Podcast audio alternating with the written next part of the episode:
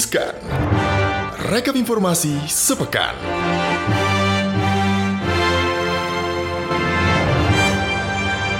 Sobat Cuan, kita ketemu lagi di Riskan Rekap Informasi Sepekan. Dan hari ini tanggal 7 Agustus 2020 apa sih berita-berita yang semingguan ini gitu ya paling banyak menarik perhatian Sobat Cuan dan juga pembaca www.cnbcindonesia.com Yang pertama ini langsung aja ya gue bacain kalau misalnya biasanya gue berdua sama Gibran. Hari ini sendiri karena Gibrannya pergi meninggalkan aku tapi nggak apa-apa, Alin tetap bacain buat Sobat Cuan ya. Berita pertama ini datang dari dalam negeri, ya ini tentang cadangan devisa Indonesia yang tembus rekor baru, ya ini 135,1 miliar US dollar. Hmm, kenapa nih gara-garanya ya bisa melonjak gitu?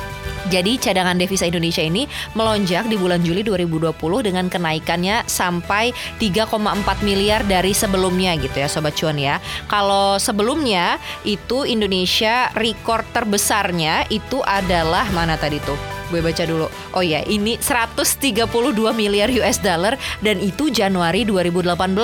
Nah, Juli ini berhasil menembus rekor baru gitu ya. Cadangan devisanya tembus di nominal 135,1 miliar US dollar. Ini melonjak tajam banget ya dan posisi cadangan devisa ini setara dengan pembiayaan 9 bulan impor atau 8,6 bulan impor dan pembayaran utang luar negeri pemerintah. Juga berada di atas standar kecukupan internasional sekitar 3 bulan impor tuh kalau internasional standarnya ya.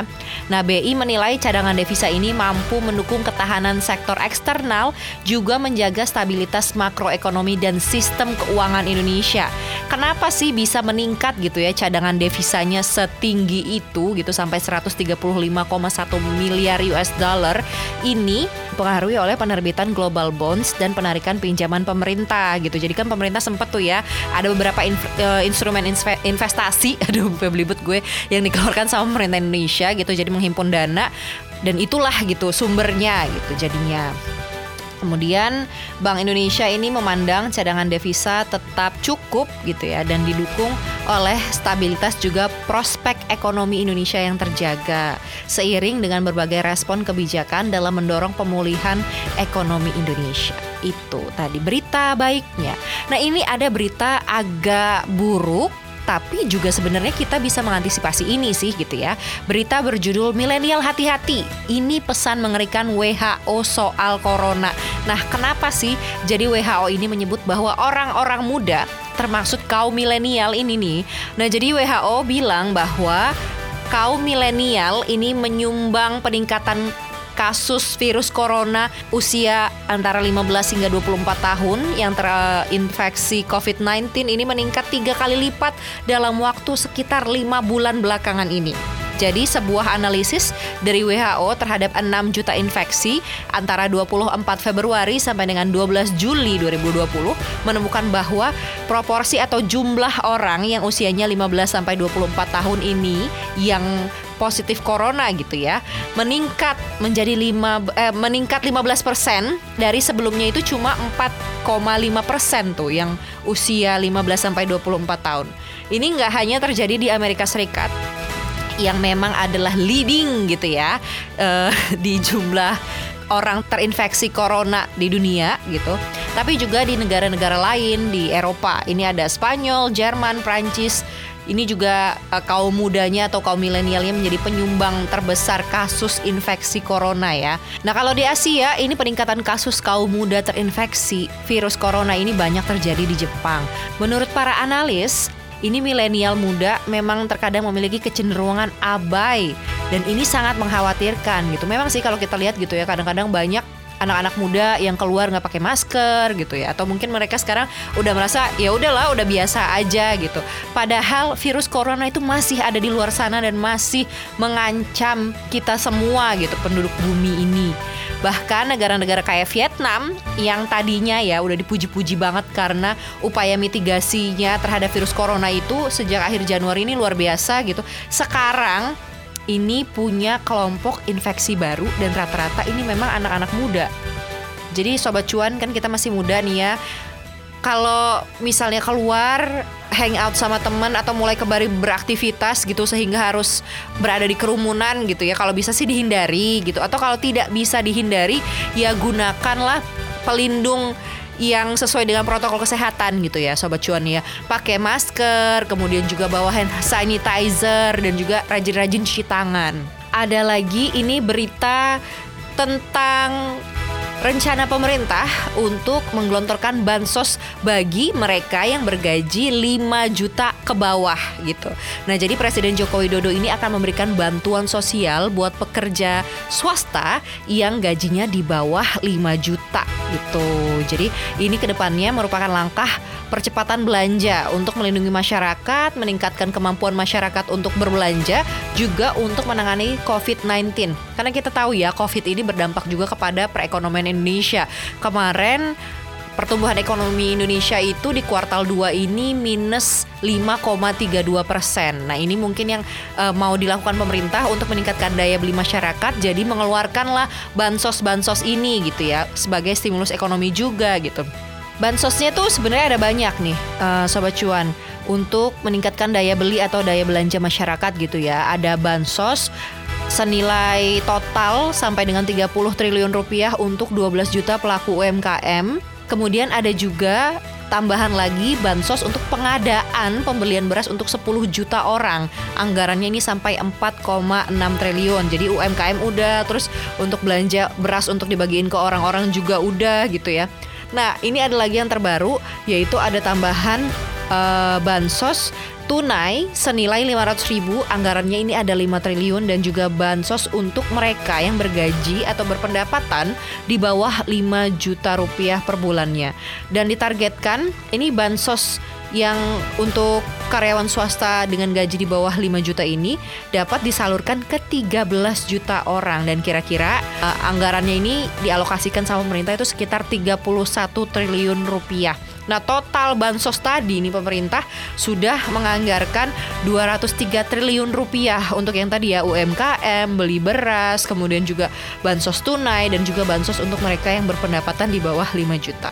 Dan diharapkan dengan bansos-bansos ini masyarakat ini daya belinya bisa pulih dan juga daya belinya juga terjaga gitu. Jadi kalau misalnya nanti sobat cuan adalah salah satu dari yang dapat bansos gitu ya atau keluarga sobat cuan gitu, alangkah lebih baik alangkah baiknya gitu untuk ya spending aja belanja gitu. Tapi belanjanya belanja yang memang dibutuhkan gitu ya. Karena itu juga akan memutar roda perekonomian Indonesia. Sehingga mungkin saja nanti pertumbuhan ekonomi kita di kuartal ketiga 2020 ini membaiklah gitu ada lagi berita yang mungkin ini sobat cuan uh, suka dengar dan lihat ya belakangan ini tentang negara-negara yang jatuh ke jurang resesi ekonomi.